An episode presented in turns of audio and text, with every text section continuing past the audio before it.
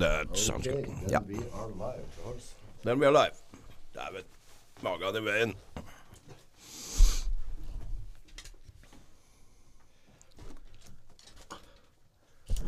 Velkommen. Kan du fortelle? Kan du fortelle? So, welcome. Thank you very much, and it's a pleasure to be back here. Yeah, and um, you've grown one year older. Yeah, I'm becoming older and older. As you can see, I'm I'm working on my status symbols. Yes, for sure. You need you need to have like a big chest and a belly to keep your medals on. Yeah, yes, that's uh, that's so true. That's so true. Uh, for the people who haven't listened to uh, the pod uh, with Charles from before, Charles Doing, uh, you are a former former foreign legionnaire from France, yeah. Were you maybe always going to be a foreign foreign legionnaire?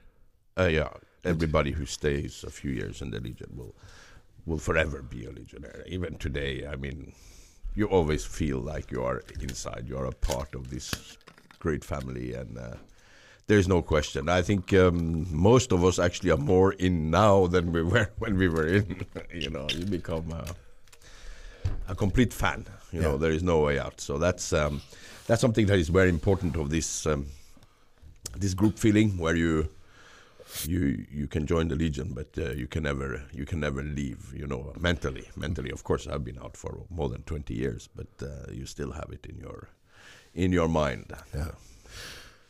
So we have made three podcasts earlier. Uh, the first one we go more in depth depth on um, how the structure, how the Foreign Legion is built up from from the from the bottom way and up. And we started the two next. We started, or, or maybe in the first as well, uh, your journey as a soldier for France.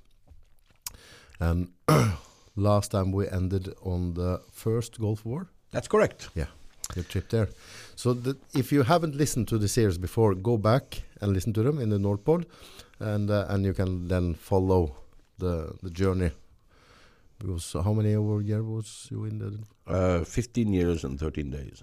F- 13 days? Yeah? Something tells me he was drunk the last 13 days. No, no, no, no. I was. Uh, it's a complicated story, but it became uh, fifteen years and thirteen days. Okay. Yeah, um, that's how how it all ended up. So uh, we left out last time. We are leaving uh, Iraq and Saudi Arabia after the first Gulf War in 1991. Okay.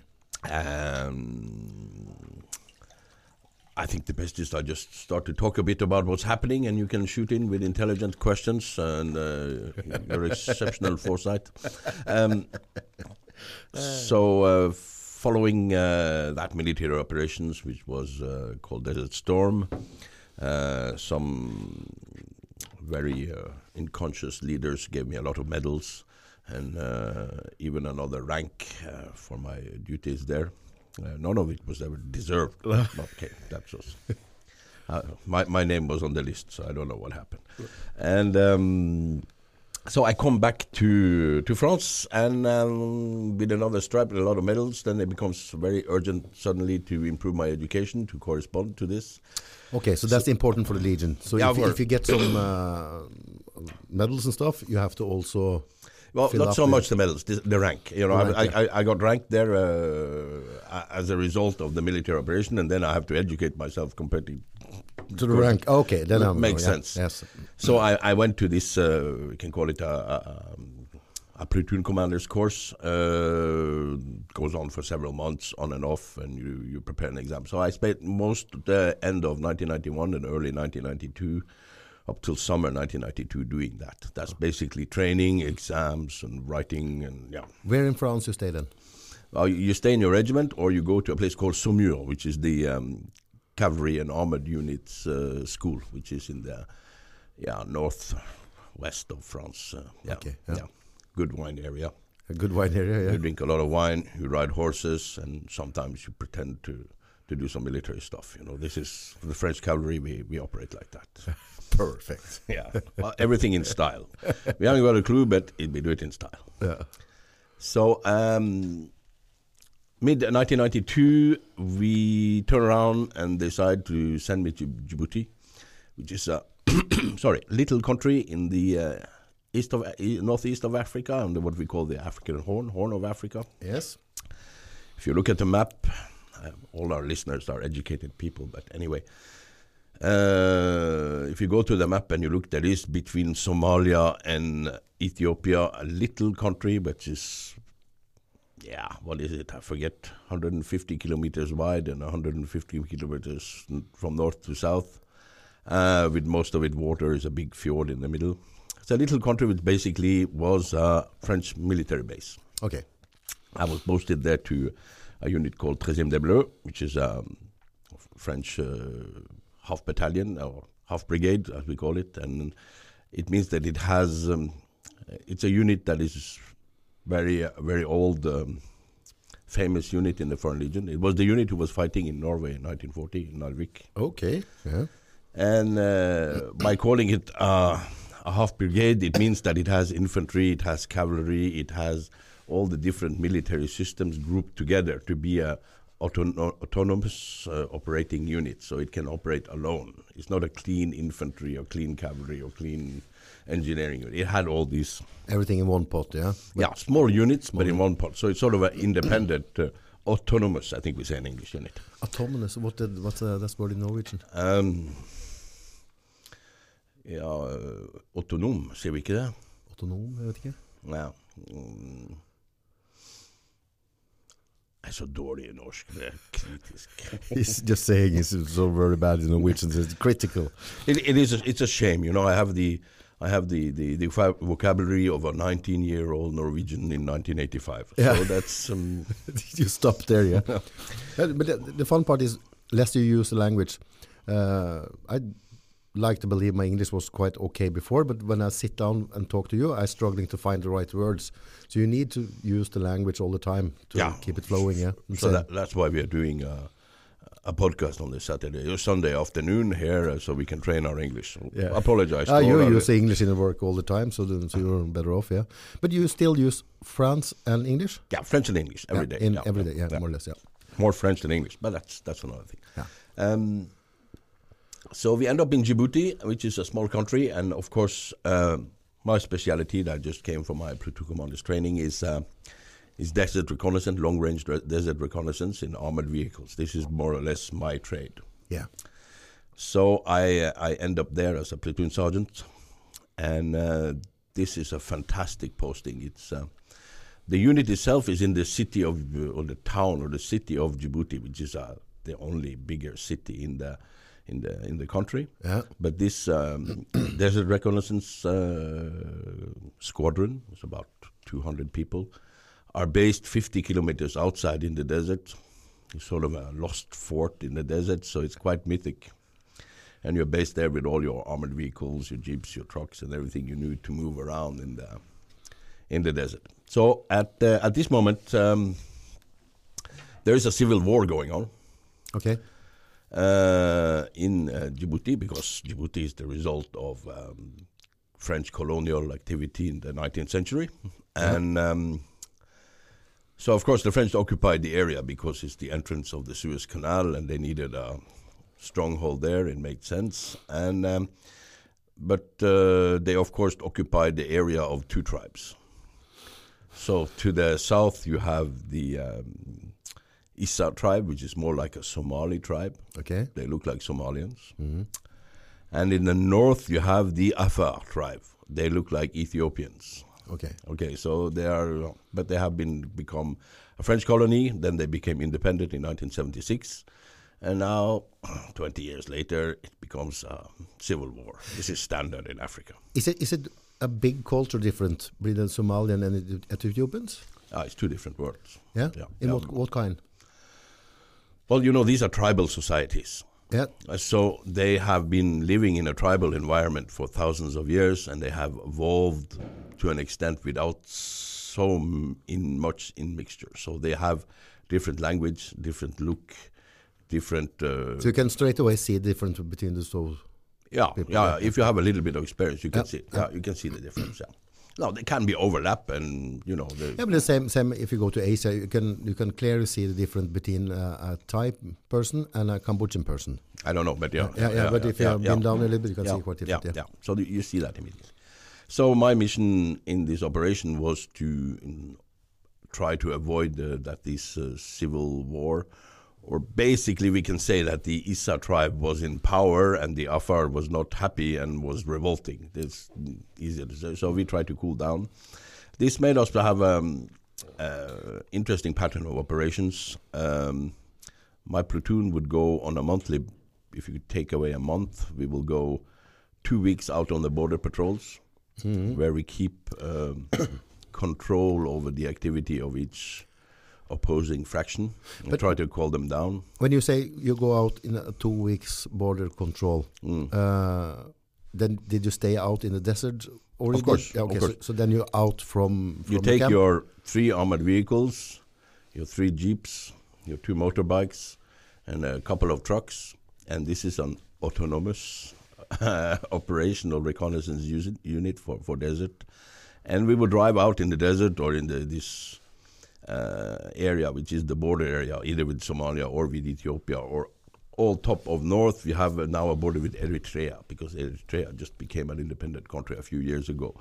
At this stage, But when when you're out in a mission mission like this, if you if you look at uh, war movies from uh, Mm. the guys from American stuff, Mm. do you have like aerial support and stuff? Do you have a close contact with with camp? So because you're a quite small group you're out, if you're getting some trouble, do you, is it easy to get backup? no, No, you know. you don't have.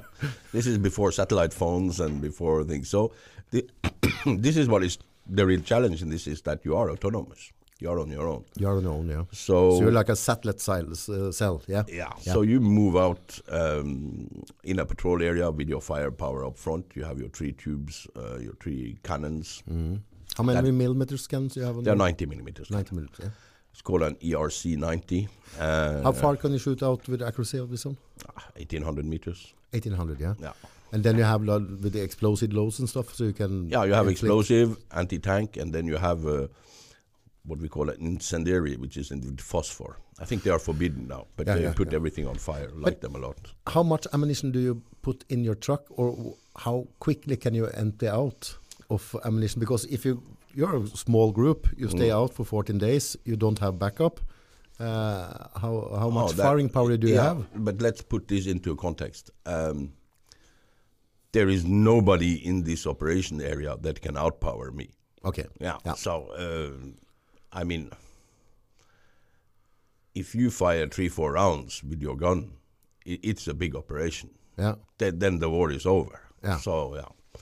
So I, my memory is fading. I think we have about 25, 90 millimeters in the in the turret. turret. Mm-hmm. Um, I'm sure somebody can correct me because I, I have forgotten the exact numbers.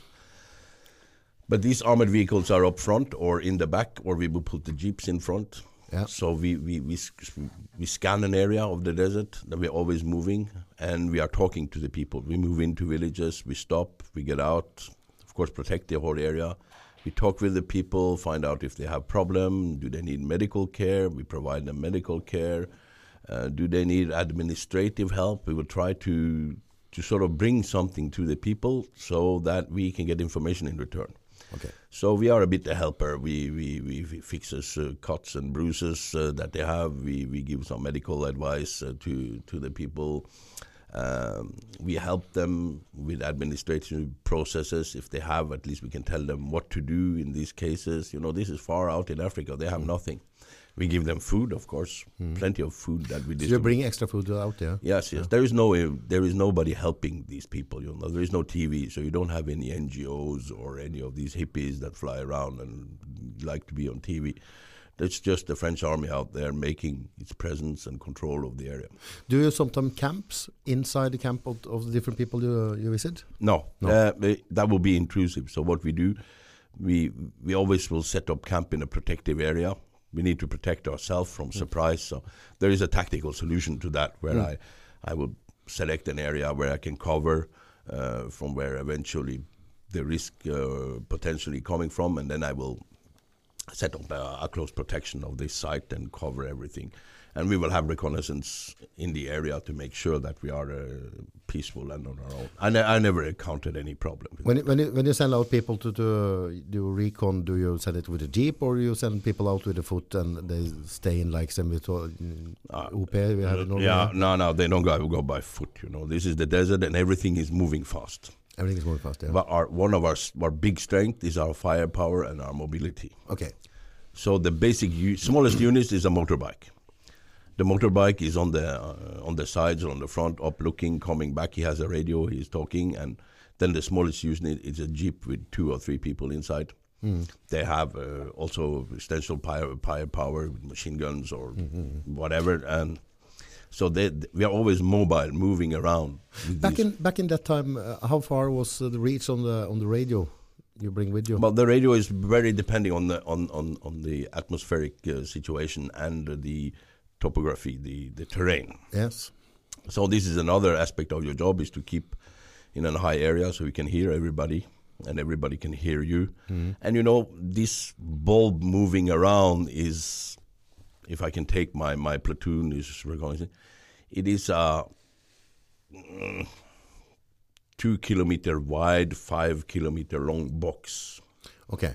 Yeah, it, that is uh, flexible. I move around, so I have everybody within within my reach, and if I cannot support them with direct firepower, it is, uh, in, I mean, immediately it is a risk. So the whole operation of moving a patrolling desert, a desert patrol like this, is to keep the first unit that is opening up under direct firepower from the second unit, which is in direct support, and your third layer is able to immediately go left or right to go around and uh, take over and bring firepower in from the side if necessary. So you always overlapping your firepower. Yeah. Yes. Yeah, that's the idea. Yeah, now, yeah. now, now the terrain is in command, the, the situation. So it's an art, and uh, I, I, it's my preferred job. I Yeah. love it. I, You love it, yeah? Oh, it's fantastic. Yeah.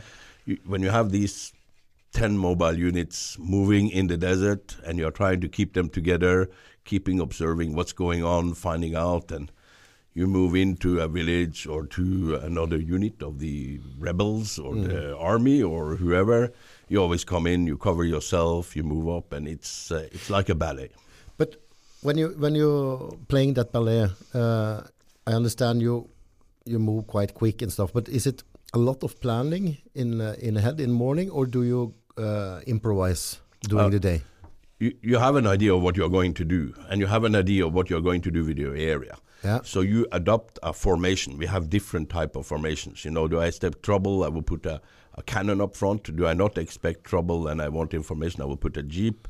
Is it sensitive? I put motorbikes on the side. It, it all depends. So it's very much evolving. And so my plan is to recognize, recognize or um, open up an area or a road or a direction or a track or cover. So I will have a plan for my day and I lay it out to them and then we move on. But it's highly flexible. So I can at any moment say, stop, now we change to the other system Yeah. and we go there, go this direction, this direction. So So your unit get highly good at uh, adapting and Uh, it's- being flexible all the time. So it's uh, instead of uh, if you have like old fashioned, okay, you're going to Mars. This you can change, and the guys know Mm. every can everything can change in a split second. Yes, yes, and, and and this is the whole point, and I'm coming back to uh, why I think the Legion is is is um, is in a way very good compared to other units. Is that we see this in most European countries that they put a huge effort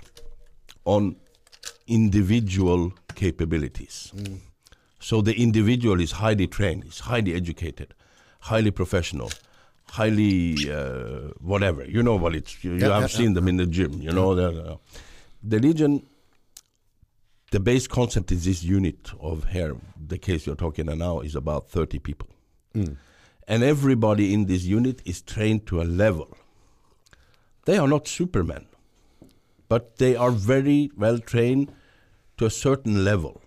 We do not try to go over that because it's only 24 hours in a day.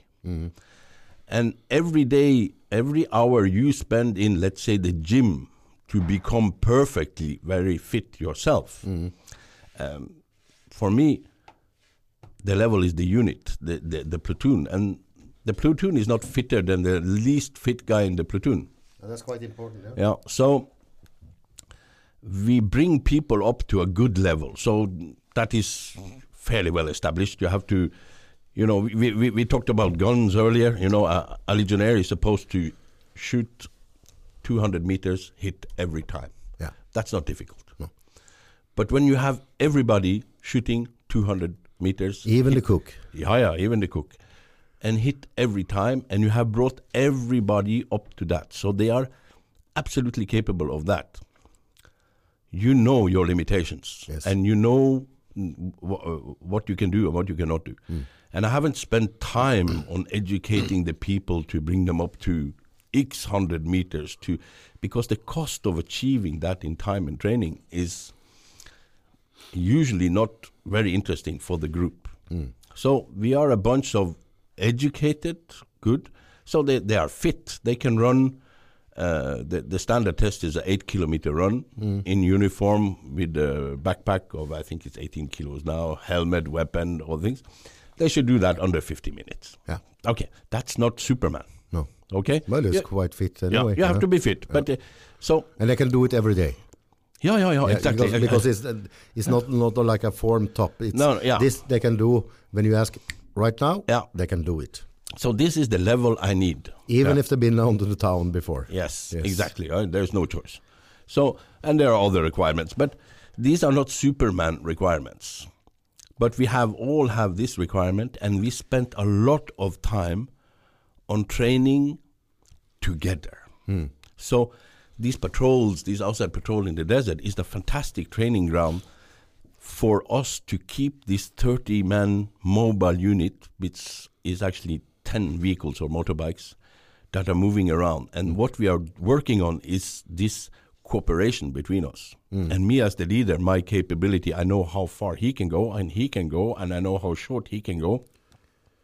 And the whole thing is to be able to make this ballet work. Yeah, yeah. And when you hit a problem, everything clicks in and moves around, and you destroy the opposition mm. because you're organized, you're quick, you're coordinated. This is complicated to achieve, and that's where you have to spend your time. Yeah, you can be fit in the gym, but it won't help that. That it doesn't help. So, and But we talked uh, yesterday mm, uh, or the day before what about um, today is, is a lot of focus on special forces and stuff like this. mm, Uh, and uh, your opinion is it's a little bit misunderstanding about because you say the Legion is not a special force Mm. mainly, mm. but in a way you are doing special force works at a daily basis when you're out. Uh, no, it's the special forces who are doing normal work. Okay, yeah, yeah, yeah. So I, I, I had some thoughts about that because I said uh, we are not we are what we call in French troupe de mêlée. That means we are, uh, in this case, we are talking about how we are long range desert reconnaissance team or platoon. That is not special forces. That is professional, but it is made. You know, it's not uh, coming out of a helicopter at three o'clock in the morning with the Glock up your nose. You know, so.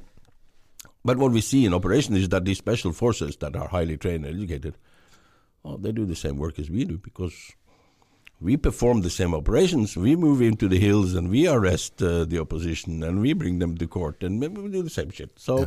they're actually doing our job just to exist. Just my little kick to the special forces, but it's okay. It's a good one. Yeah, but but it- it's a it's, there's a lot of myth you know, about special forces and stuff like. Mm. But but you're quite uh, clear on not uh, war is not a one man show uh, you see in a Hollywood Mm, movie. mm, It's, mm, it's it's the platoon working together, Yeah. and and uh, when you are out in a mission, Mm. uh, when other armies sending in special forces they're sending just the legionnaires. That's Yeah, and it's it's no big deal. This is this is the job. Yeah. You know, uh, if you need to be special forces to that, you can change army. You know, that's, uh, for you. That's bread and milk. Yeah, that that's normal. That's normal operations. And and once more, um, if we go back to the movie, I think I talked about it before, but we, we everybody in the Western world based their or ninety nine percent of the people base their military opinion on movies Yeah, because yeah, it's normal and yeah.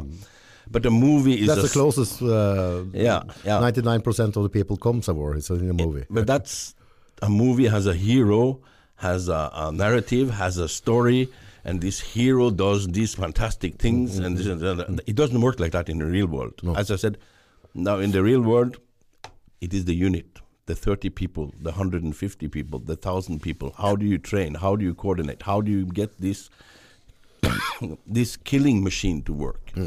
If you ever get in the bush in Africa or in the Middle East and you see uh, a legionnaire, Mm.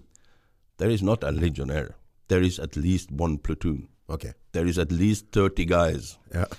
And if he sees you, that means the 30 others are aware and they are already working on the plan to make your life miserable. Yeah. Yeah. You're So- fucked. Yeah, well, probably. uh, so this is my whole point of I I could be false because I don't know everything, uh, but I'm afraid of this uh, focus and investment on the individual. Yeah. You got to get more guys up to a reasonable level and make them work together. Yeah. So this, when you take your platoon and you go two weeks out in the bush or in the in the in the desert in Djibouti, and you train with this every day. Of course, in an operational job, you have uh, all the ammunition with you because you get you can get into a fight at any moment, but it's not your duty. You're you're there to One one step back uh, again when we talk about uh, war movies. is it plausible that when you are out with your half platoon or whatever, uh, and and you get under direct fire, uh, one of you guys is going to freeze up, as the same as you see in a movie, that somebody is not battle prone yet. So. Is that a problem for the Legion? Because always you can see in a movie when, when shit hits the fan, some people are just cramping up and get shell shocked. Is that Well, I've never experienced, but it can happen. But what's more, we have 30 guys in the fight. yeah? Yeah. So he will be, get pulled out and move around. Anyway, if he freezes, the one who's covering is shooting. If you have done your job, if I, as a leader of this little unit, have done my job correctly, I have people in position who covers everybody, covers everybody. Ah, okay, it's not a perfect world. If somebody freezes up, somebody else will take over. We will go the other way. Yeah. And it is my job and my duty to prepare people in a way that when the fight happens, they are not going to freeze. That's that's the whole point. If hmm. he freezes, I have failed Yeah. Uh, as a leader, as a it's my responsibility. So But even in in a, in the segmentation early on, you're probably picking out the people. It starts at day one. yeah, to keep. The whole selection process, the whole training process in the Legion is made like that, and the responsibilities are always made that. One of the biggest If I'm under you and I freeze up, it's on you. Oh, it's my mistake. Yeah. Oh, yes. Not mine. It's no, that's your- yeah, exactly. yeah. Because I have not. So you're always responsible for the people you're responsible, and you're really responsible. It's not like, oh, he's an idiot. And no, if he's an idiot, you have to train him. Yeah. So, and that's the whole point when you put in this team training. These patrols are excellent for that because I can have people messing up, but it's, it's not so extremely dangerous. Mm-hmm. And like I said, I'm not happy with that. You do like that, you know. And we train, and it's by having people over a Legionnaire's contract is five years. It's not three months or one year or something. Mm-hmm. So the guys have been in for years, and you work together over long periods, and you build up these fantastic um, little units. They're little units because my level was small. I'm mm. at a platoon level, 30 people, mm. 30, 35 maybe. And so the whole game is to make this unit autonomous, able to cooperate. Mm.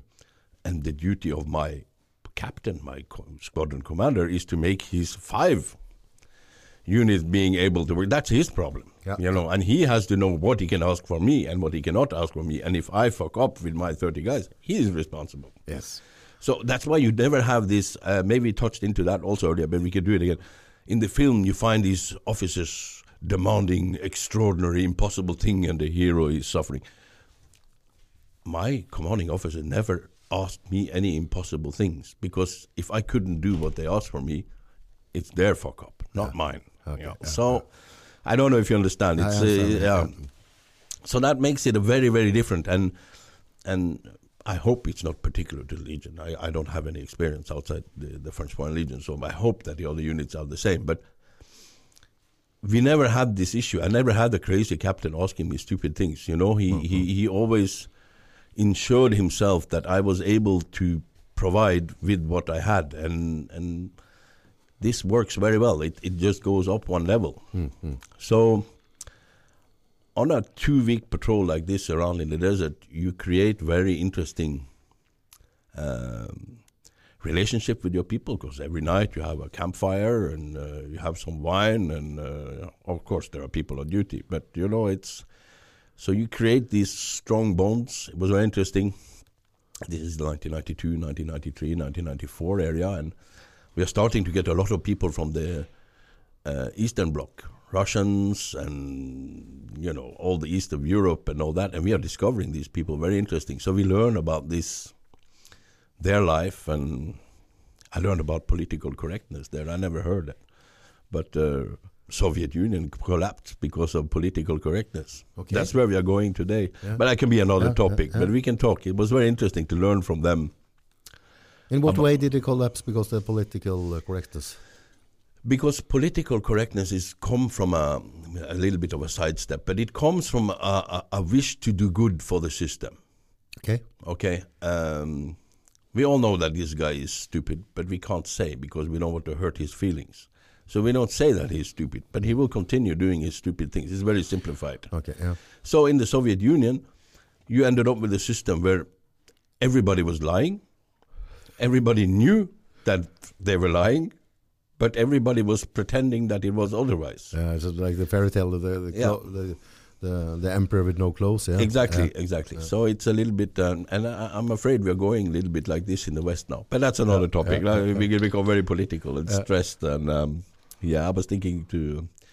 So, you you you create this bond with these people for for two weeks in the in the in the desert, moving you know 50, 100 kilometers every day, operating, doing operations at night, putting them on patrols because then you can see how the night patrol works. You can train them in an operational environment, so it's absolutely fantastic. So even if you are on a call it a hot mission operation 14 days, Mm. you spending the time to train your guys to find out what you can expect from them.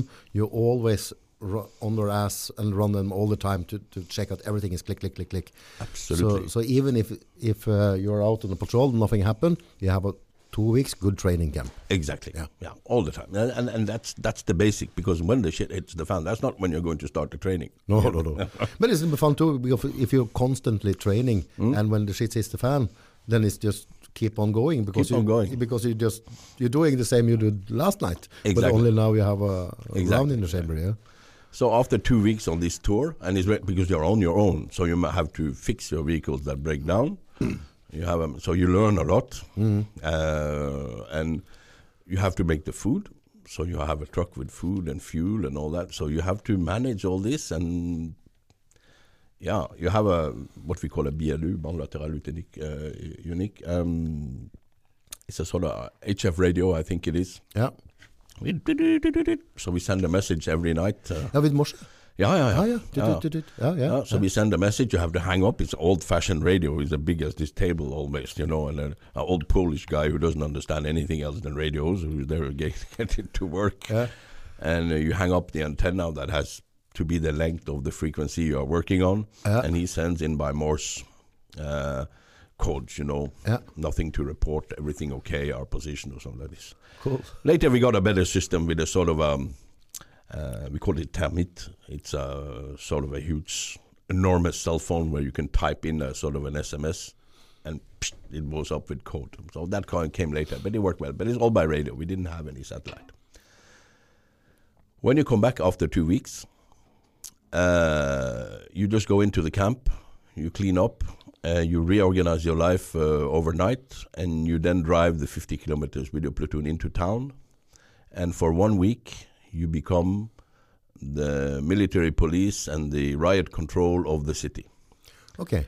Then you go down there, you stay in the camp, and day and night for one week, you drive around in the town and keep control of, uh, so that nobody gets upset and start to think that they can make a revolution or something like that. Okay. Yeah. So you like uh, like a big Banzler crew. Yeah, exactly, exactly. So you do that for one week. Is it often you have to go in and uh, correct people then? uh, if you have to do that, it means that you have failed. Okay. Yeah. Yeah. So show of force is the best thing. Okay, so so you the way you you uh, you handle yourself is in a way to show you have a, a great force, so people don't want to try.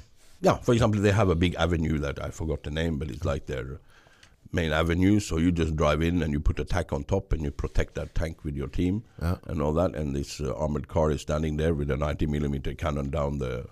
Yeah. So then nobody will make a demonstration. Okay. I don't know why. But yeah.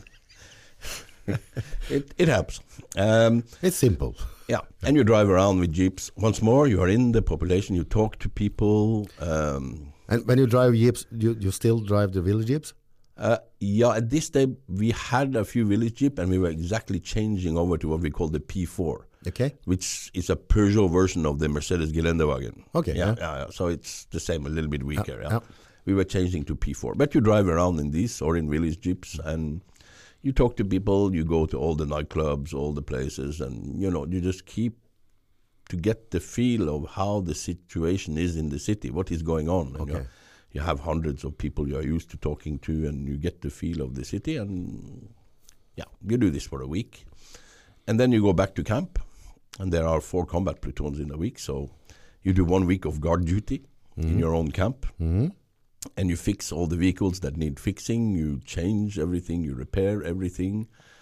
And after one week of guard duty, well, there are four platoons, so that's another platoon coming back from that trip, and, and so you go out on another two week in the bush, and somebody else go down to town, and somebody else come in to guard the camp. So you don't have any time for big parties down? We make the time for You big make part- the time, okay, Well, yeah. yeah, there are some loopholes sometimes. uh. Not that I would ever do something No, like for that. sure, for sure, Yeah, for yeah. Is it true? I, I seem to heard someplace uh, in the old times the the Legion had their own pleasure house in the camps. Sure, sure, sure, sure, sure. It's a much better, much, much more practical. it's officially ended now, but but um, uh, it's much better to, to, to control venereal diseases and things like that. Okay, yeah. Uh, but uh, you know, no, to be quite honest, uh, you have to be quite hungry to proceed with those things. Uh, Okay. Yeah, no, it's not as um, as fancy as it's here. So Okay. no, no, no, no. You need to be drunk. Well, you need to accept that you're number 15 this afternoon. so, uh, well, I- was never a big fan. Uh, I don't know why. You know, Ah. I was a man of the church. yeah, a man of the church, yeah, for sure. That's the way I know you. Yeah. Yeah. Yeah. And uh, so, but yeah, it's um, it's a very tense life. It's a very moving life, but it's very very interesting. I learned a lot. It was um, inter- interesting show because you're always in confrontation on the patrols with the fighting parties, one Mm. or the other side, uh, without getting directly involved. And this was the case here. And then these patrols in town or all this. So it, it you become a very very good team.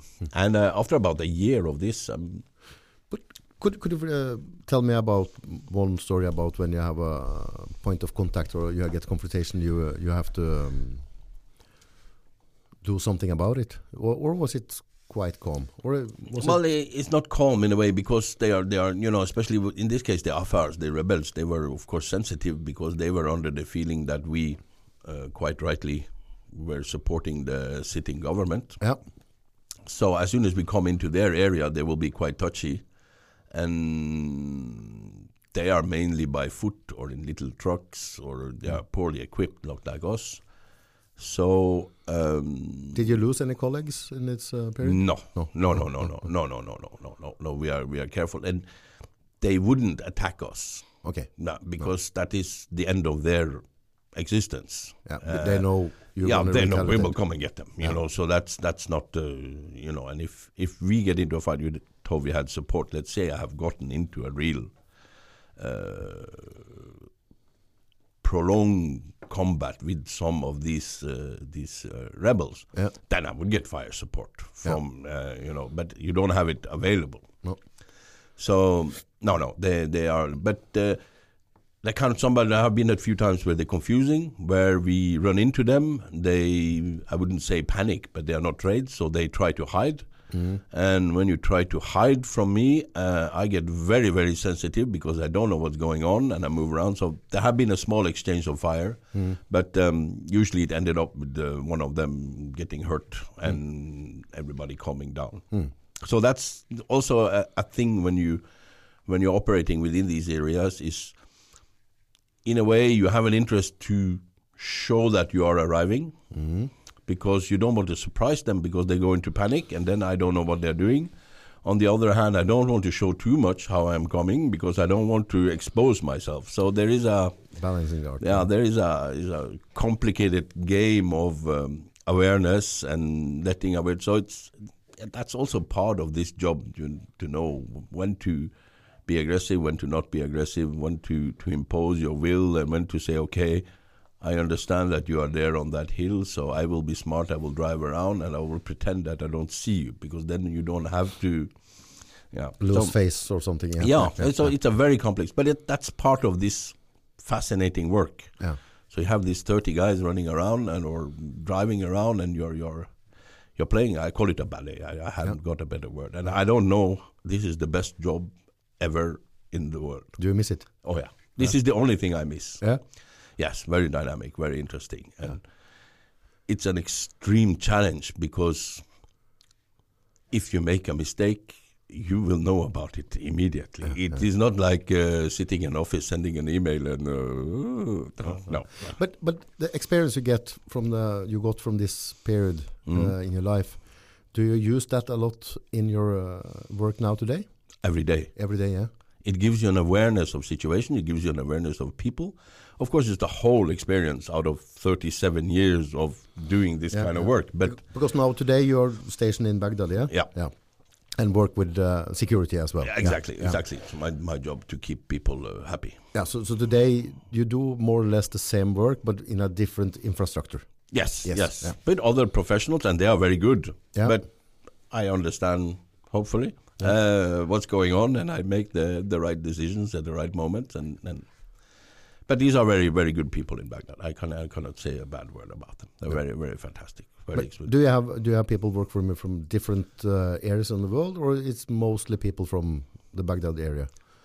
Well, you know, in in in today there is more and more Iraqis doing this job, but there are also expats doing. Yeah. Most of them I have known for many many years. Yeah. They come from the same background as me, so Yeah. Yeah. So, so it's a mixture of people, same as before. Yeah. yeah, yeah, yeah, yeah, same as before. Yeah. And um, and the environment is different, and the means are different, and, and the exposure is different, and the risks are different, and we try to avoid them. Now we, by all means, avoid trouble. That's uh, Yeah, because now you are uh, your work is to keep business happy. exactly. Yeah. So you don't want to have a big show. No, No. no, absolutely not. And the best thing is no show at all. Mm, Yeah. And um, but after a year of this, uh, there is a civil war in Somalia, as you know. Oh yeah. Yeah. So uh, suddenly one day we packed our bags and we moved into an area called Baidoa in the south, a little bit of southwest of uh, Somalia.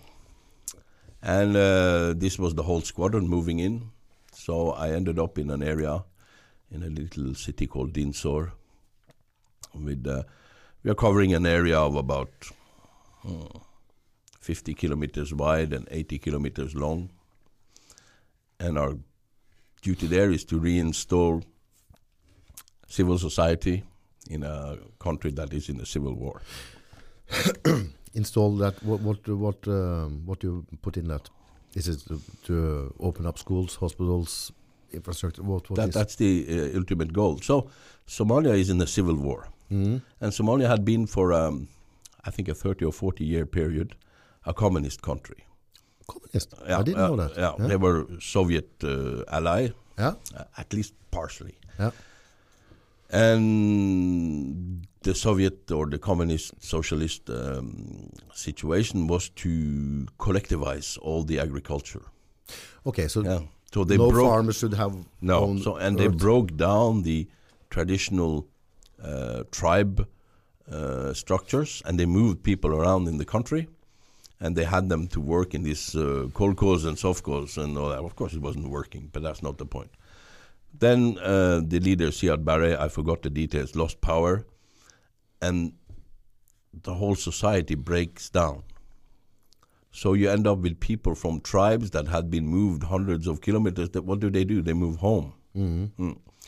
and society breaks down. The police, the infrastructure, the little they had, and it becomes a very, very vi- tribal, violent tribal war where they have now uh, arguments about who's going to live where, and there is no police, and there's um, But when you say violent world, it was it like uh, people were starting killing each other? oh yeah, they were murdering each other by hundreds. Yes, Yes, Yeah. yes, yes. And in open streets or Yeah, yeah, of course. Oh, this is-? Streets is a big word. This is the bush. You know, Yeah, the yeah. best road we had was a battered uh, track. You know, Okay, so yeah. But uh, yeah, it becomes a huge problem. So we have to pacify the area. That means arrest everybody or kill everybody who has a gun. Okay. So this is the first thing when you throw out a control like this. I go back to my patrol system, the same method. We go out, we protect each other, and we patrol the area. Everybody who has a gun is invited politely to surrender it or to cease to exist, Okay. which they often do. And then you end up with refugees camp. I had a refugee camp with 20,000 people to Oh. administrate. Very difficult job. Um, then it's more you have to get food, you have to get um, Protection and food yeah, and yeah, medicine. Yeah, yeah, yeah.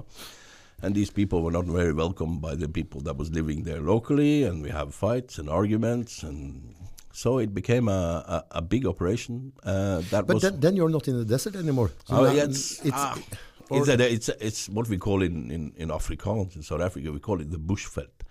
So it's um, But it have to be big different when you're moving your guys because now you don't have uh, the same vision and, and everything is quite different and you can get Make stuck in a different way. Uh, exactly, Yeah. exactly. So now the, the, the, the bush of, of, of Somalia is, is very dense. So you have open tracks in the bush, but it's not like a jungle. It's it's very dry, It's dry, okay? very dry and very.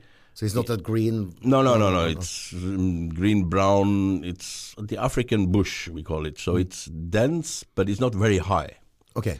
So you said there's no trees that are more than four or five meters, you know. So it's it's a low, dense, uh, and it's very difficult to get long vision. Vision. So uh, we were smart enough not to bring the tanks. We reorganized into infantry. Yeah. So instead of having these uh, armored vehicles with um, with guns, we had uh, what we call a VLA, which is a big four x four trucks. We got ten of those Yeah. and we reorganize ourselves. And now, since it's bush, we are doing a lot of patrols on foot. Yeah. Foot, quiet, early morning, late night, encircling areas, taking control. Suddenly we are there. But you have the rebels with the guns. That, that that's a problem. But uh, what what about uh, as you can see in movies again, snakes, scorpions, animals? Was that a problem in that area? Not so much. Uh, you know, animals try to stay away from you. Okay. Yeah. Yeah, I mean, when you are moving with 35 people around in the bush, the animals say, oof, that is not good for me. Okay. I remember one morning driving up the road there, and um, uh, my driver was from Cambodia, actually, very nice guy, Sisawang. I wonder what came of him, fantastic guy. And he's driving up the road, and um, um he's telling me, "Oh, chief, look, there is a dog." I said, and we get closer, and it's actually two lions. It's a bit big, your dog. Elephants and stuff. No, No? I didn't see any. No, it's it's bushveld. So a lot of antelopes, a lot of um, these animals who like to live in the bush. Uh, of course, snakes, but we have avoid snakes and different varans. I don't know how you call that. These um, reptiles. Okay. Okay. Uh, lizard. Uh, Yeah, yeah, yeah, yeah, A lot of these things, but uh, the fauna was not uh, not an issue for us. Okay. Uh, no, we, we we are used to that. So the, the the issue for us was all these people moving around in a society that has collapsed. Was it a lot of we- weapon be, uh, between Yeah, the all peoples? all the all the stocks of the army had been pillaged. okay. So we, we were quite aggressively trying to arrest people. We tried to install the police, so we had to set up a training program for the police, give them guns once more, try to make them work and reimpose law and order. Um, But when you say you imprison people, uh, did you have to make up like prison camps or? sure, there Yeah. was a police station and a prison, so uh, we opened up the prison and uh, we hired the old police guys that were there, trained them, start them. The point is to get society back on foot. It's quite e not easy to get to trust a guy you fucking give him a gun. You So, don't know if you're going to shoot in the back. Yeah, so you have to sort of uh, work with locals, find out who was trustable, who was not trustable, and there's a lot of things going on. So we have a special uh, detachment for this who's doing that, who was supporting us, Yeah. who was training the police, who was educating them, who was putting in the new rules, um, who was paying them. The money was terrible because the Somali shilling, I think, had completely collapsed. So to pol- pay 15 guys in the police station is a helicopter full of money. Yeah. So you got paid by bricks of money. What? You If weigh it- them up. Yeah, Yeah, more or less, Yeah. more or less, yeah. And um, so this is you're trying to to to to, to get back society, civil society, and then I remember I didn't have any. Uh, of course, we are there soldiers. I don't have any administrative skills of a higher level. and and we had um, this operation was under United Nations, Okay. and um, we got this. Uh, United Nations is really a nonsense organization. The only thing we got from them was a calendar. A don't know calendar. Yeah, Fucking you know, calendar. I got a book, you know, where every week is a, sort of a agenda. I don't know how do you call it, you know. But the thing, it was a big United Nations sign on every page. Yeah. So I used this to write contracts between the rewarding the fighting families. Okay. Because Abdullah had killed a, a camel, 15, stolen a camel, camel 15 years ago. Now Hassan killed his brother in revenge. And so, so we had to fix all these things. So then we get them together under a, a banana tree or whatever, you know, banana tree, under a, a tree. And um, we get interpreters because my Somali is very bad. But now I'm here as representative of United Nations and I write uh, sort of a contract between the two on this agenda page with United Nations in my poor French. so you just rip out the page from the calendar. Rip out the page and I make a stamp. You know, we have had an old coin. We had some French franc coins, so we made a stamp. It looks like the French uh, official sign. We stamp, and we give them their contracts, and they are happy. And it sounds ridiculous. But it actually functions. Well, I hope. Maybe my contracts are still standing somewhere. That's Yeah. would, that would be funny if you go down for a trip and you can still see one of your contracts. Yeah. contracts, huh? so yeah it's it's 20 25 30 years later you know it's um, Oh, it would be fun if we if we picked up our bag and went down to some other area you uh, Mhm. you worked in before and just go see what's happened with it. Would be interesting You i'm so, afraid yeah? most of it's controlled by uh, al-shabaab somali uh, islamists today but um, Okay, yeah. i would be happy to contribute Your once more there if you need. merci monsieur Yeah, a bit fun to, to bring it down in memory lane, you know.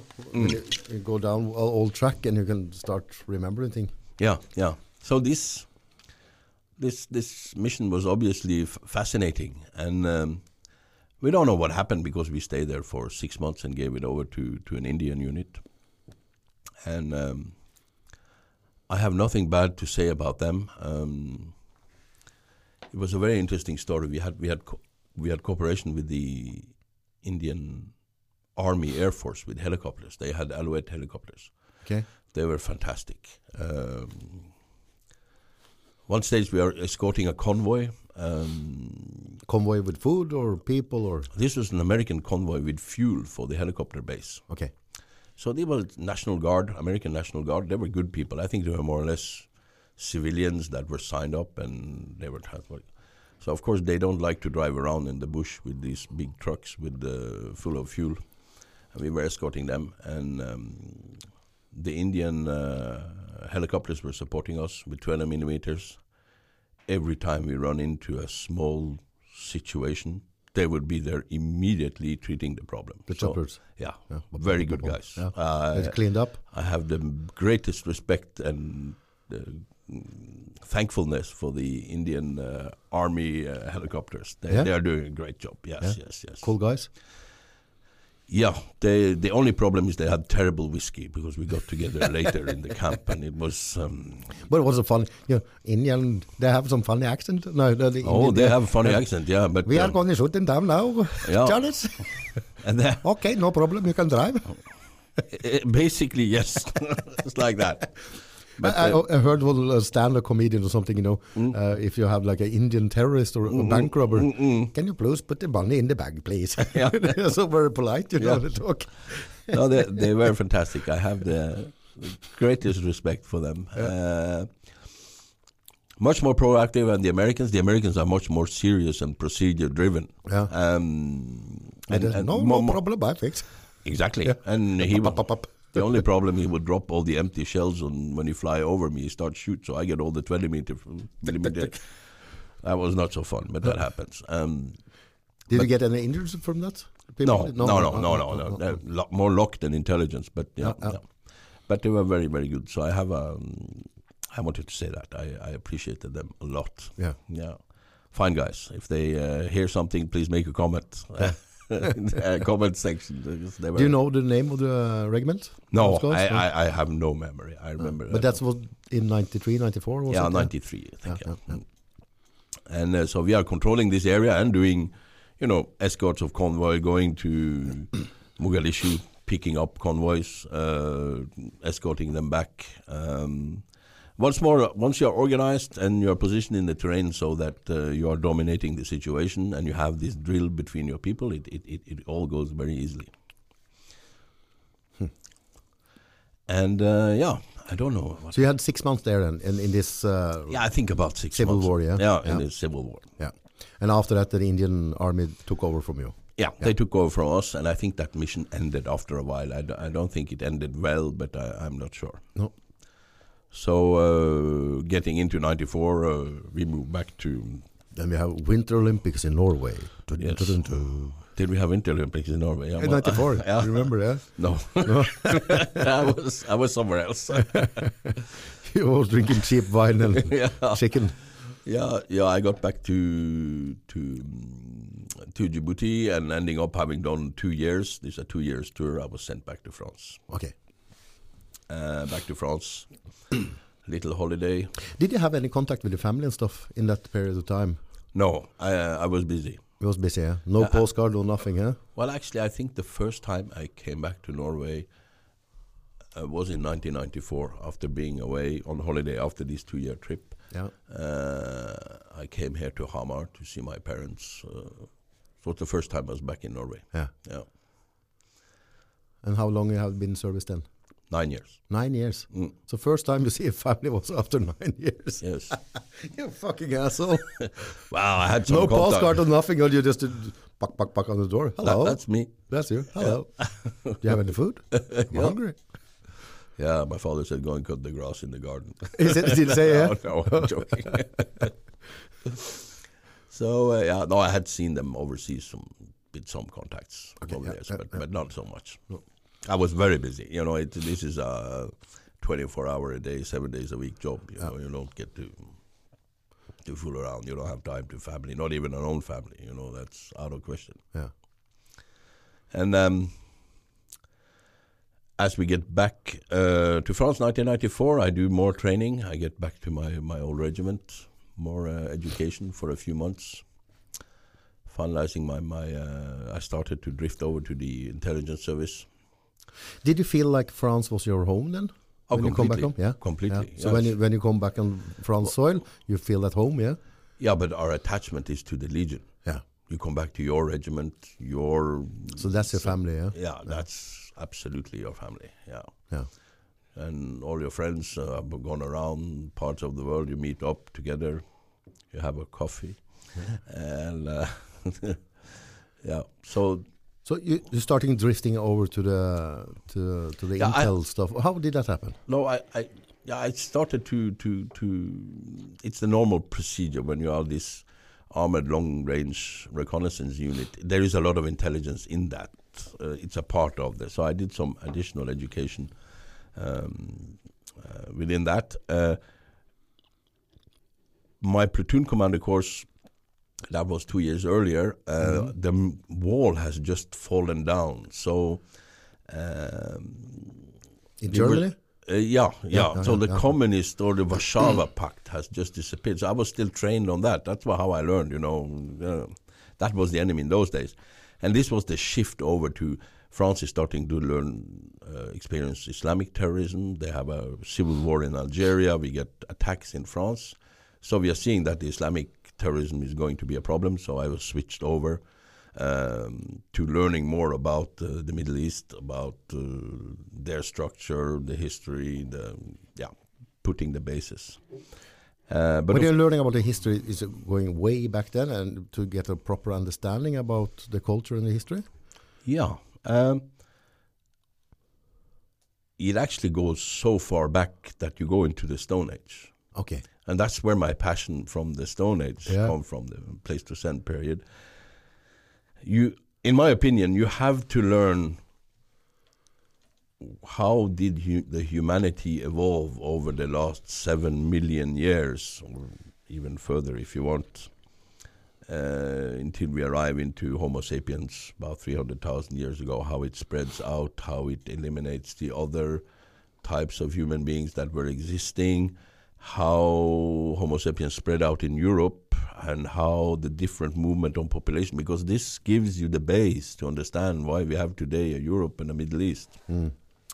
I think we will need a whole podcast on that. For sure, but, for but sure. we can uh, we can have. That. So um, It's quite complicated. I, I, I watched, of course, some documentaries around this, but it's quite com- Europe and Middle. It's been a shitload of wars, uh, wars for Yeah. Thousands of years, you know. of course, and, and, and shifted borders and culture, and, of course, of and course. it's uh, it's a little bit fun when you, or frightening when you see now. Maybe it's always been fights about borders and and uh, resources for thousands of years. yeah, We the never- peace the we are living in today. never stops, you know. The peace we are living in today. It's it's very recent. Yeah. Yes, yes. Um, it is um, what can I say? For thousands of years, people were rather immobile, and and and societies evolved very differently. Uh, let's say over the last ten thousand years, what we call the Holocene period, where we got into agriculture. It spread out from the Middle East uh, into Europe. We also had starts in China, in India, and the Ganges Valley. We had another startup in, in America. Let's not get into details about that. And uh, this evolution that goes on by movement of people, often we have to understand. We, we say that immigration have always been going on. No, Mm. no, it's not true. They, these people were not immigrating anywhere. No. It took 6,000 years, so they moved 500 meters per year. Okay. Yeah. Yeah. So, the, as an example, this, this So now today it's everything quite quicker.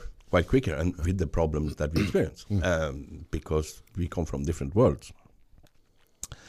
Um, and uh, the Middle East is very, very different to to to Europe uh, by all cultural uh, aspects as how the society works. Mm. Once more, that will be a whole podcast. Sure, for sure. Um, and we can take that, but um, yeah. No, I need time to, to construct that. is a very big. Uh, Big topic, yeah. yeah. But uh, if you go back, you come back to France, and what is the next time you were out in? Well, immediately at the end of 1994, uh, I, I, I got another platoon uh, as a platoon sergeant uh, with a very good lieutenant, and we were sent to Sarajevo. Sarajevo. Yes, because this is the war with uh, Serbs and Bosniaks in Sarajevo. So from end 1994 to August, September 1995, I was in Sarajevo, managing an uh, anti-sniping platoon there. Okay. Mm. Uh, explain. Anti-sniping platoon. What what was your work? So I don't know if you remember, but um, Sarajevo is a city with uh, hills all around, and just Mhm. south of the city there's an airport. hmm So if he simplifies, there was a encirclement of Sarajevo. Inside Sarajevo is what we call the Bosnian population, Okay. which is theoretically Muslim. Then the airport, and then the south is what we call the Monermia, Butmir, and all that. It's controlled by the so the we can say the north and the south is controlled by uh, Bosnian or majority Muslim population, and the east and the west is controlled by Serbian population Okay. uh, Serbian Bosnians. Don't to be confused. It's a people. recipe for success. recipe for success, and um, we came in at a bad moment, and there was a lot of there was sort of a ceasefire, but there were exchange of fire every day, and Were, were- were you very early in this war, or was many countries, different companies in in that war already, or was the Foreign Legion early in? No, the the, conflict? the Foreign Legion was early in, but I was not early in because Oh. I was in Somalia and Djibouti, and yeah. Yeah. yeah. So this is 94, 95 is towards the end. Okay. Yeah. But we just did as usual. We moved in, and if there was any problem, we just shot back. So Yeah. after quite a while, after a while, they, they, they cooled down. They had a lot of fighting between them, but we were not. They were not bothering us so so very much. Yeah. And um, Maybe we you can tell us about the bear story about uh, the guy yeah, Yeah. the bear story. yeah, picking up a couple of bears. Yeah, I will avoid names. We, we, we had um, uh, the Danish had a, a camp up there called Scandaria, I think, and um, they had beer. We didn't have beer, So um, our quartermaster, our um, support guy, uh, wanted to send one of his guys to, to buy beer from the Danish. The the guy who normally uh, sorts out the food and boots and everything. Exactly, yeah, yeah. exactly. So uh, uh, I'll call him George. He did basic training with me. Yep. Okay, in 1985, so I knew him well, uh, and um, uh, he, he's a great guy. I have lost contact with him. Uh, please get hold of me if you can.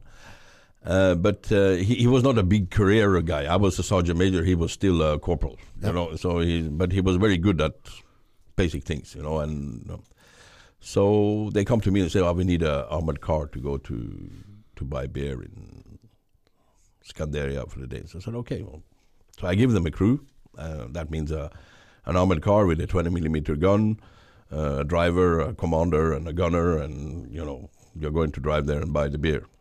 So he drives there to buy the beer, and um, what we did not know is that if you go from the airport where we were uh, around, people would know you go a little bit uh, northwest and you turn east into Sarajevo. There's something they call the PTT building, where the United Nations administration was. Mhm. And the United Nations administration had uh, experienced that people of their staff, their local staff, had been killed by Serbian snipers. So um, they had an operation going on with special forces. No need to mention country or origin because there will be uh, stress and scream Yeah. that were running around there with uh, black covers and radios and looking for the snipers. Lima Lima Delta Zulu. Yes, and um, they were hunting snipers.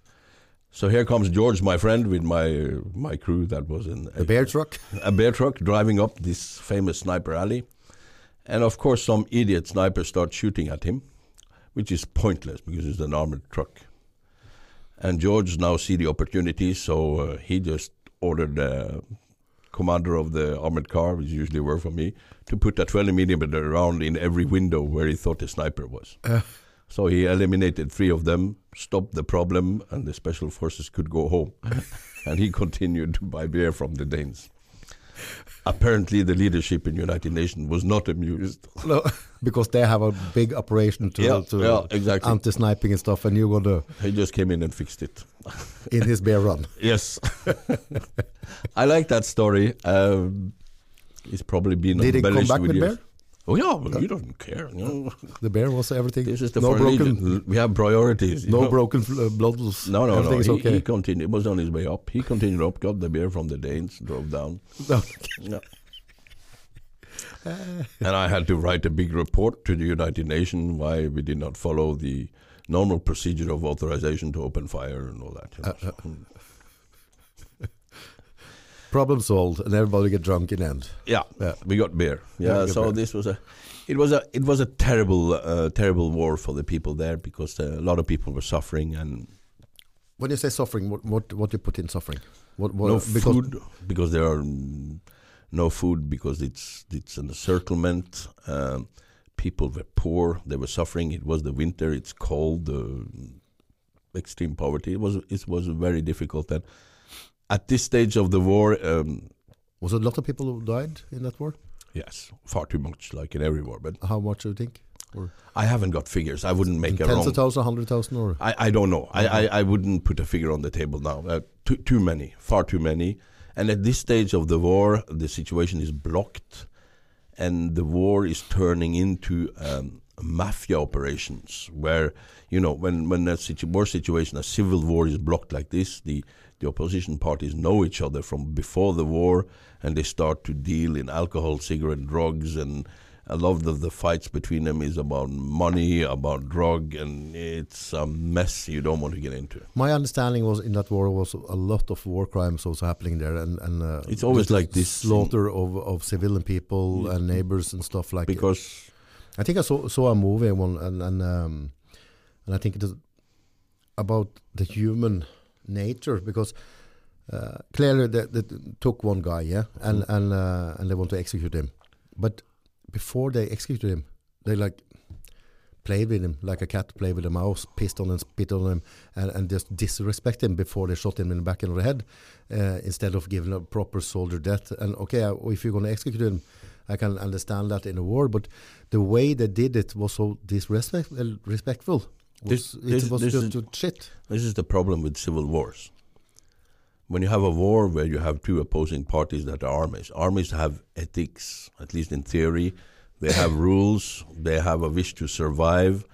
Uh, when two armies oppose each other, they, at least in theory, both knows that they can both be exposed to the other. So they have an interest in keeping this within. Of course, they are killing each other, but, but keeping it between uh, uh, a framework of humanity Mm. you don't execute everybody because it can be due tomorrow. So, you know, but when you know, I have seen in Yugoslavia where you had ex school teachers become a local warlord. There is no, you know, No this, this guy was born an asshole and now he suddenly had power to be an asshole, and there is no limits, Yeah. and it becomes extremely violent. Then you add on drugs and alcohol, And torture and fuck, yeah. so, and then they go bananas, and you don't know how evil people are, especially these people who, who, in my opinion, are living in civil society today, who are weak, who are dissatisfied, who are hateful, who are not strong. Give them guns and power, uh, and you will see. It's it not gets, nice. It gets out of hand very quickly because now they can take revenge on whoever they didn't like or society in general. This is the most scary, in my opinion, with with this kind of conflict. Yeah, because uh, the thing, the, my feeling after I saw this was like it's also disrespectful for a human life. Uh, I can understand if if I'm in a war with you and you, and you capture me and you don't have a supply system to, to keep me and you know if I let August go, he gonna turn around and shoot me in the back. And you, if something like that's happened, but You, you can't do that. You But- can't execute prisoners. no, but they, they, and they did it in a, in a horrible way as well, and they, they in, amused themselves with You- the torture How and and and tell people to beg for life, and even after they begged and they pissed on them, they spit on them, and then they fucking shoot them.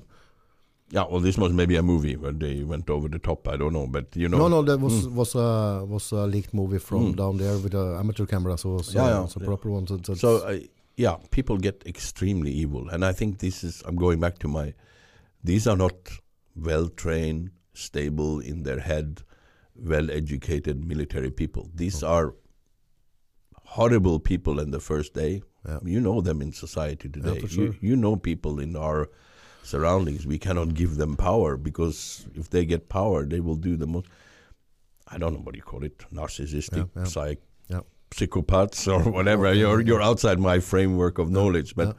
and, and and we see this everywhere. I mean, in Africa, the civil wars in Africa is the same. They go bananas, and they also do in Europe. You know, But it, it's uh, when you're done working there as a soldier, and you're gonna cope with those people.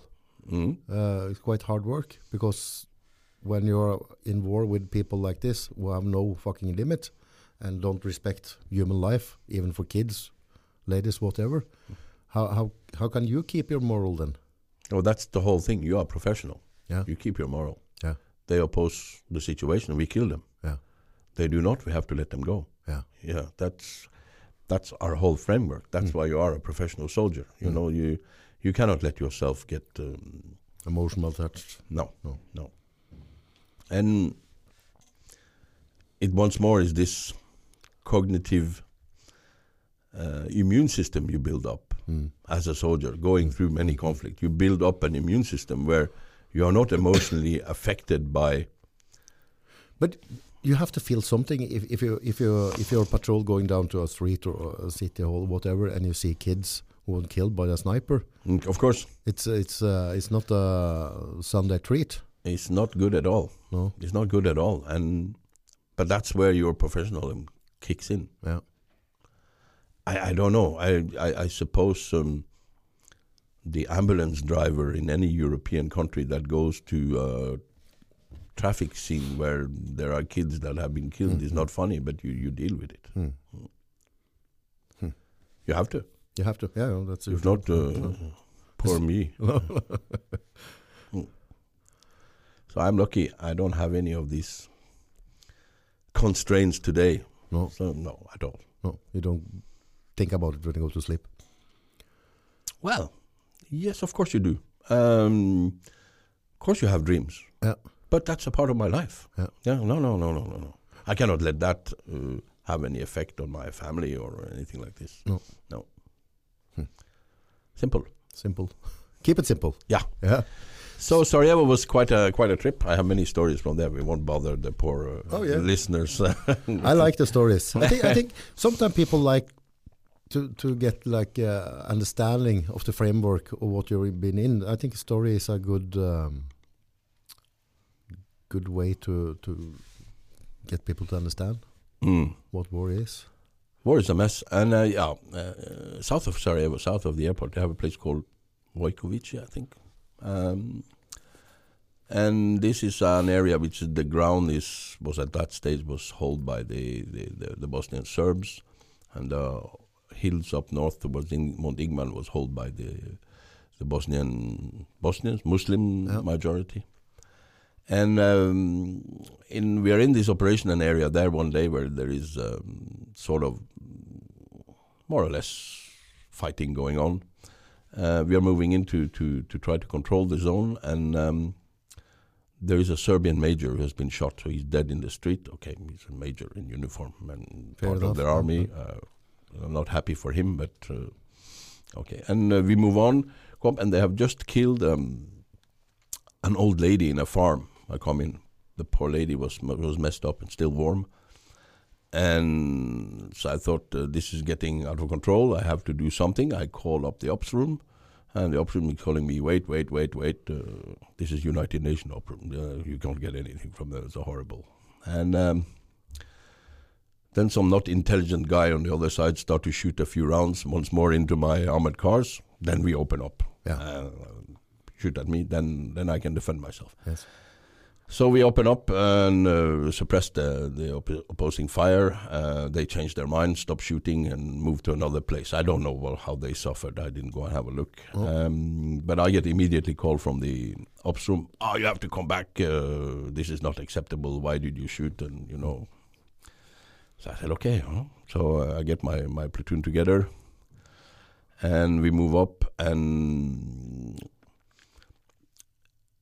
we have to go through several checkpoints. Um, Serbian checkpoints. They were all happy with my uh, job of the day because coincidentally that day I helped them. Yeah. And uh, so they uh, had to drink in every checkpoint, Slivovica.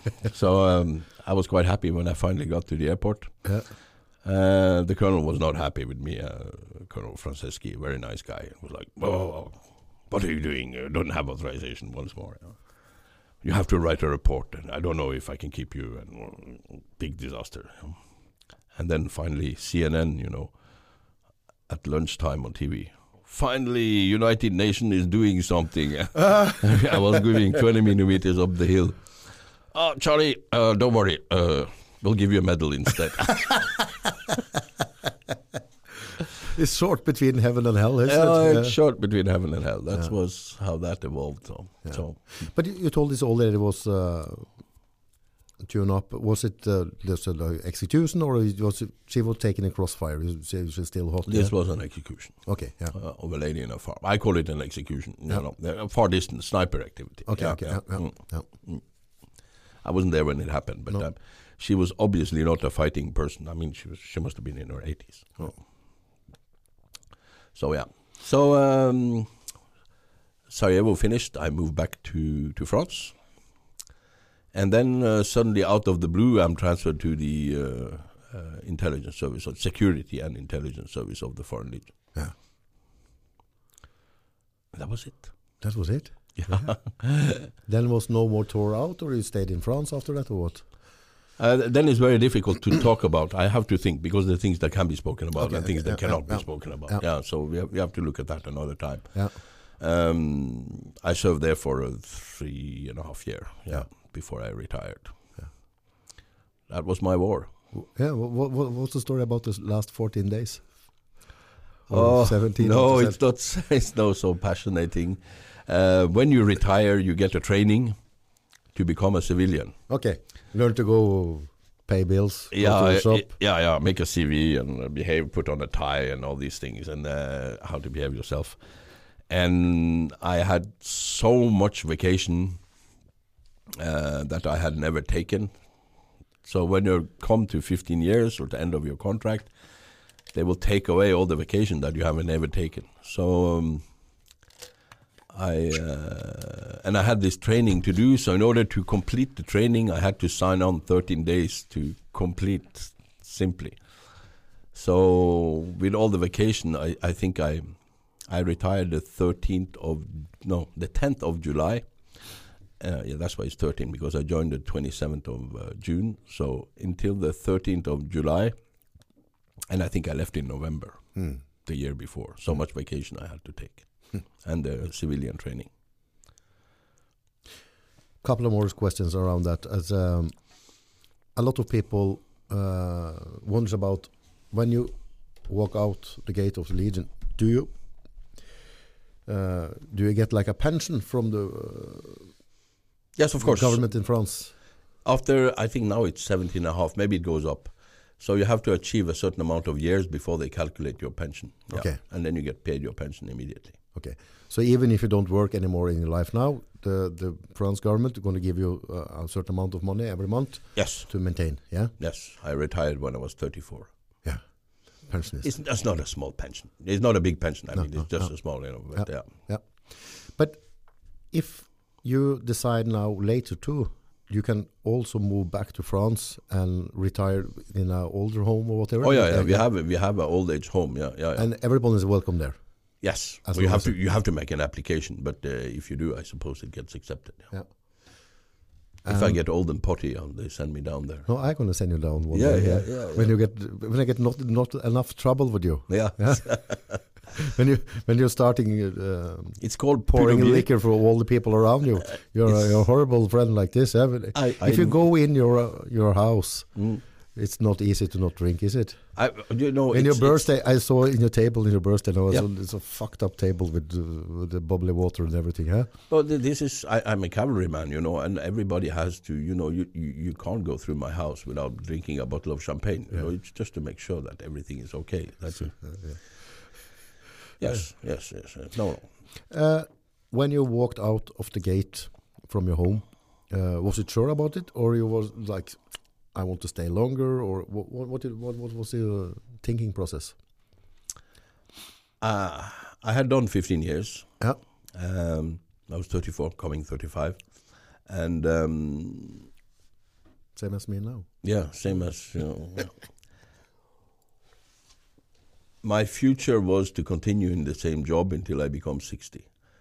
I had very many fine colleagues that were 50, 55, and I thought either I continue here like this because I had reached the summum of uh, uh, senior NCO, so it was not I was not going to climb in rank anymore or No. yeah, that would be unwise of me.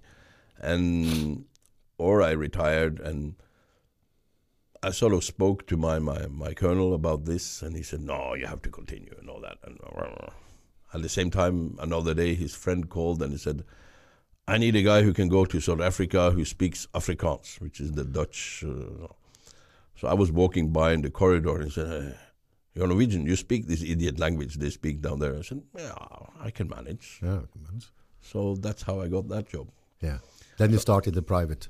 Yeah, I uh, immediately headhunted and moved to what is called uh, Renault, the French car company, as a security manager for sub-Saharan Africa. What What was the first working task then when you went into the civil? And was it uh, because now you you um, have people operate under you and you more or less sit in the office? Sometimes you're out, Mm. but but uh, in the start, did you start in the office or did you start like a shotgun in the car? Oh no, no, it, it, you know, in, in, in, in, in the sub-Saharan Africa in those days, it was only um, anti-crime activity. Anti-crime, yeah. Yeah, um, we didn't have a terrorist problem in, in any of our, our areas, at least not from a business perspective. So what you do then is that you have to create a plan. Um, in any security work, there is uh, they have many names. We can call it a master security plan. Mhm. where you outline your risk situation. Mhm. You cannot do anything about the risk the, or your threat. Yeah, sorry, I'm using the wrong word. Your Mhm. threat. This is the criminal activity we have. These are the problems we have. These are the things uh, that might happen.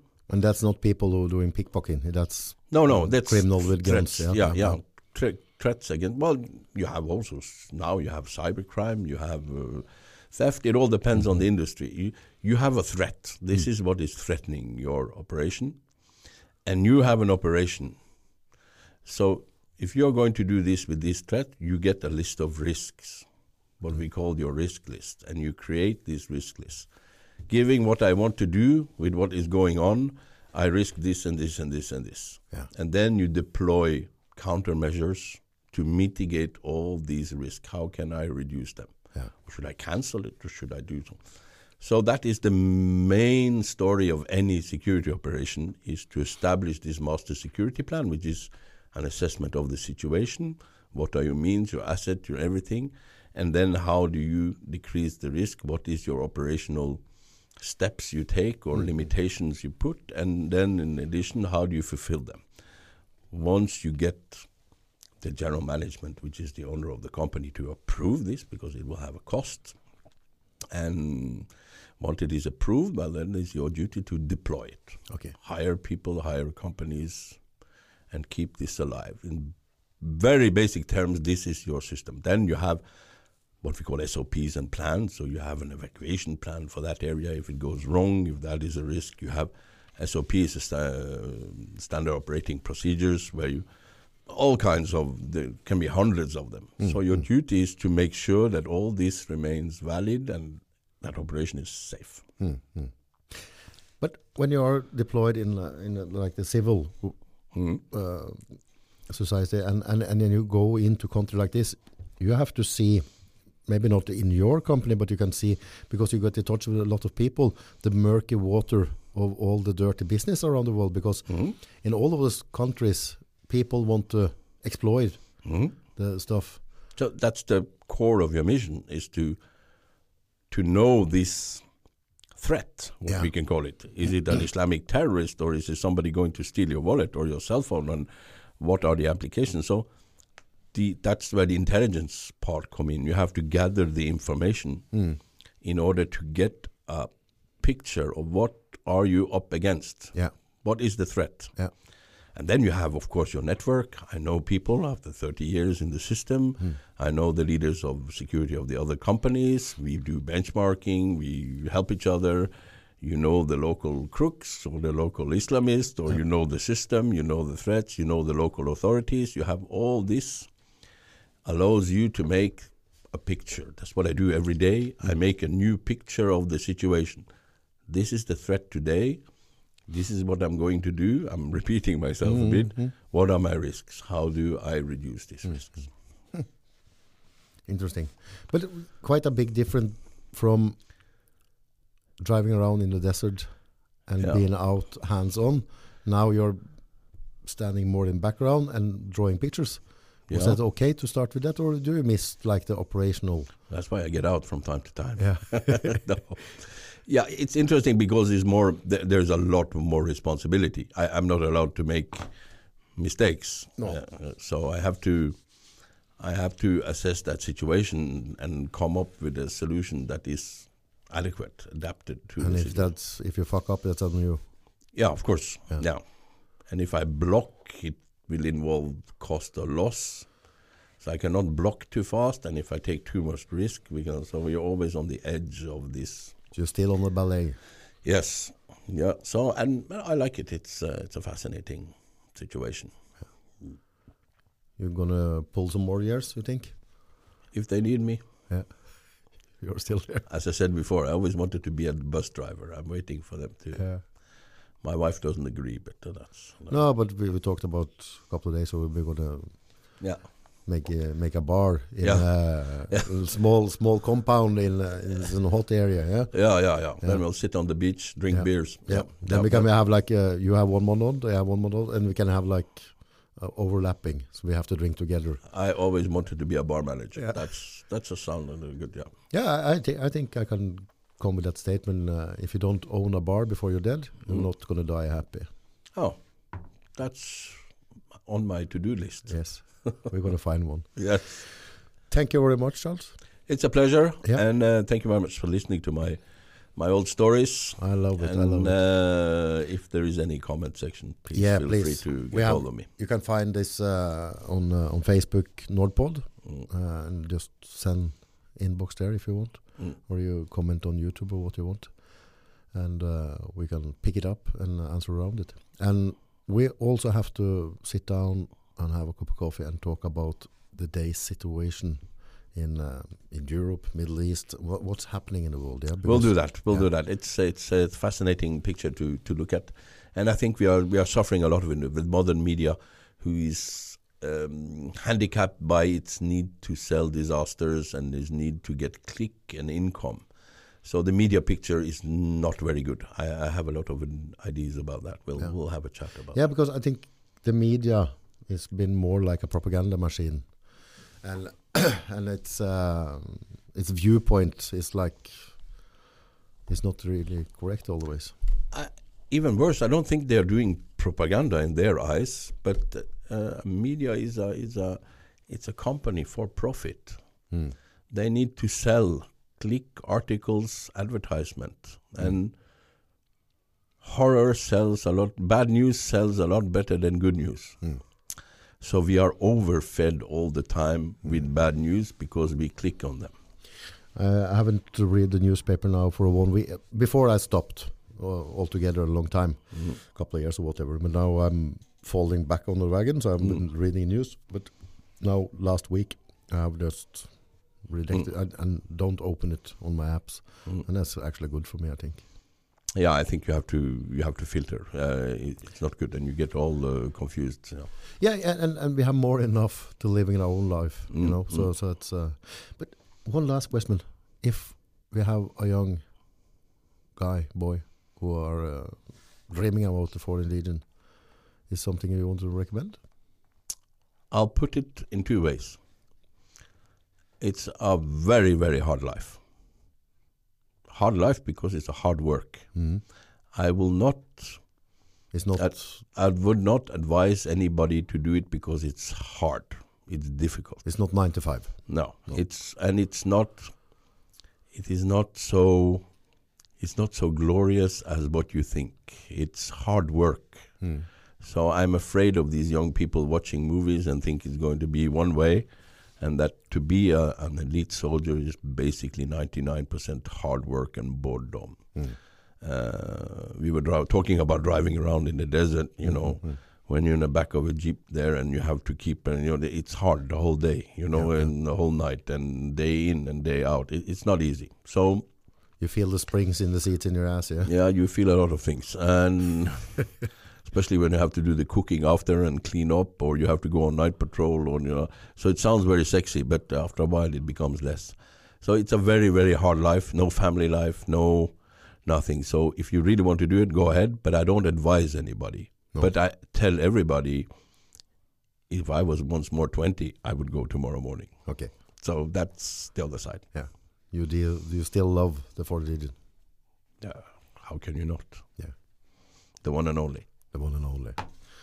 We're still running a couple of seconds, so I could just go turn off. Let's see. Oh yeah. Yeah, we are uh, sort of short of crews today, so we have to make it simple. That's the way to do it.